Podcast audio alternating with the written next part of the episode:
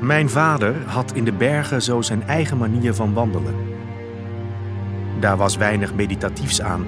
Het was een en al eigenzinnigheid en bravoure. Hij klom zonder zijn krachten te doseren, ging altijd met iemand of iets de strijd aan en als hij het pad te lang vond, klom hij gewoon recht omhoog. Als je met hem mee was, was het verboden te pauzeren en verboden te klagen over honger, vermoeidheid of kou. Maar een lied zingen mocht wel. En ook joelen als je je over de sneeuwvelden omlaag stortte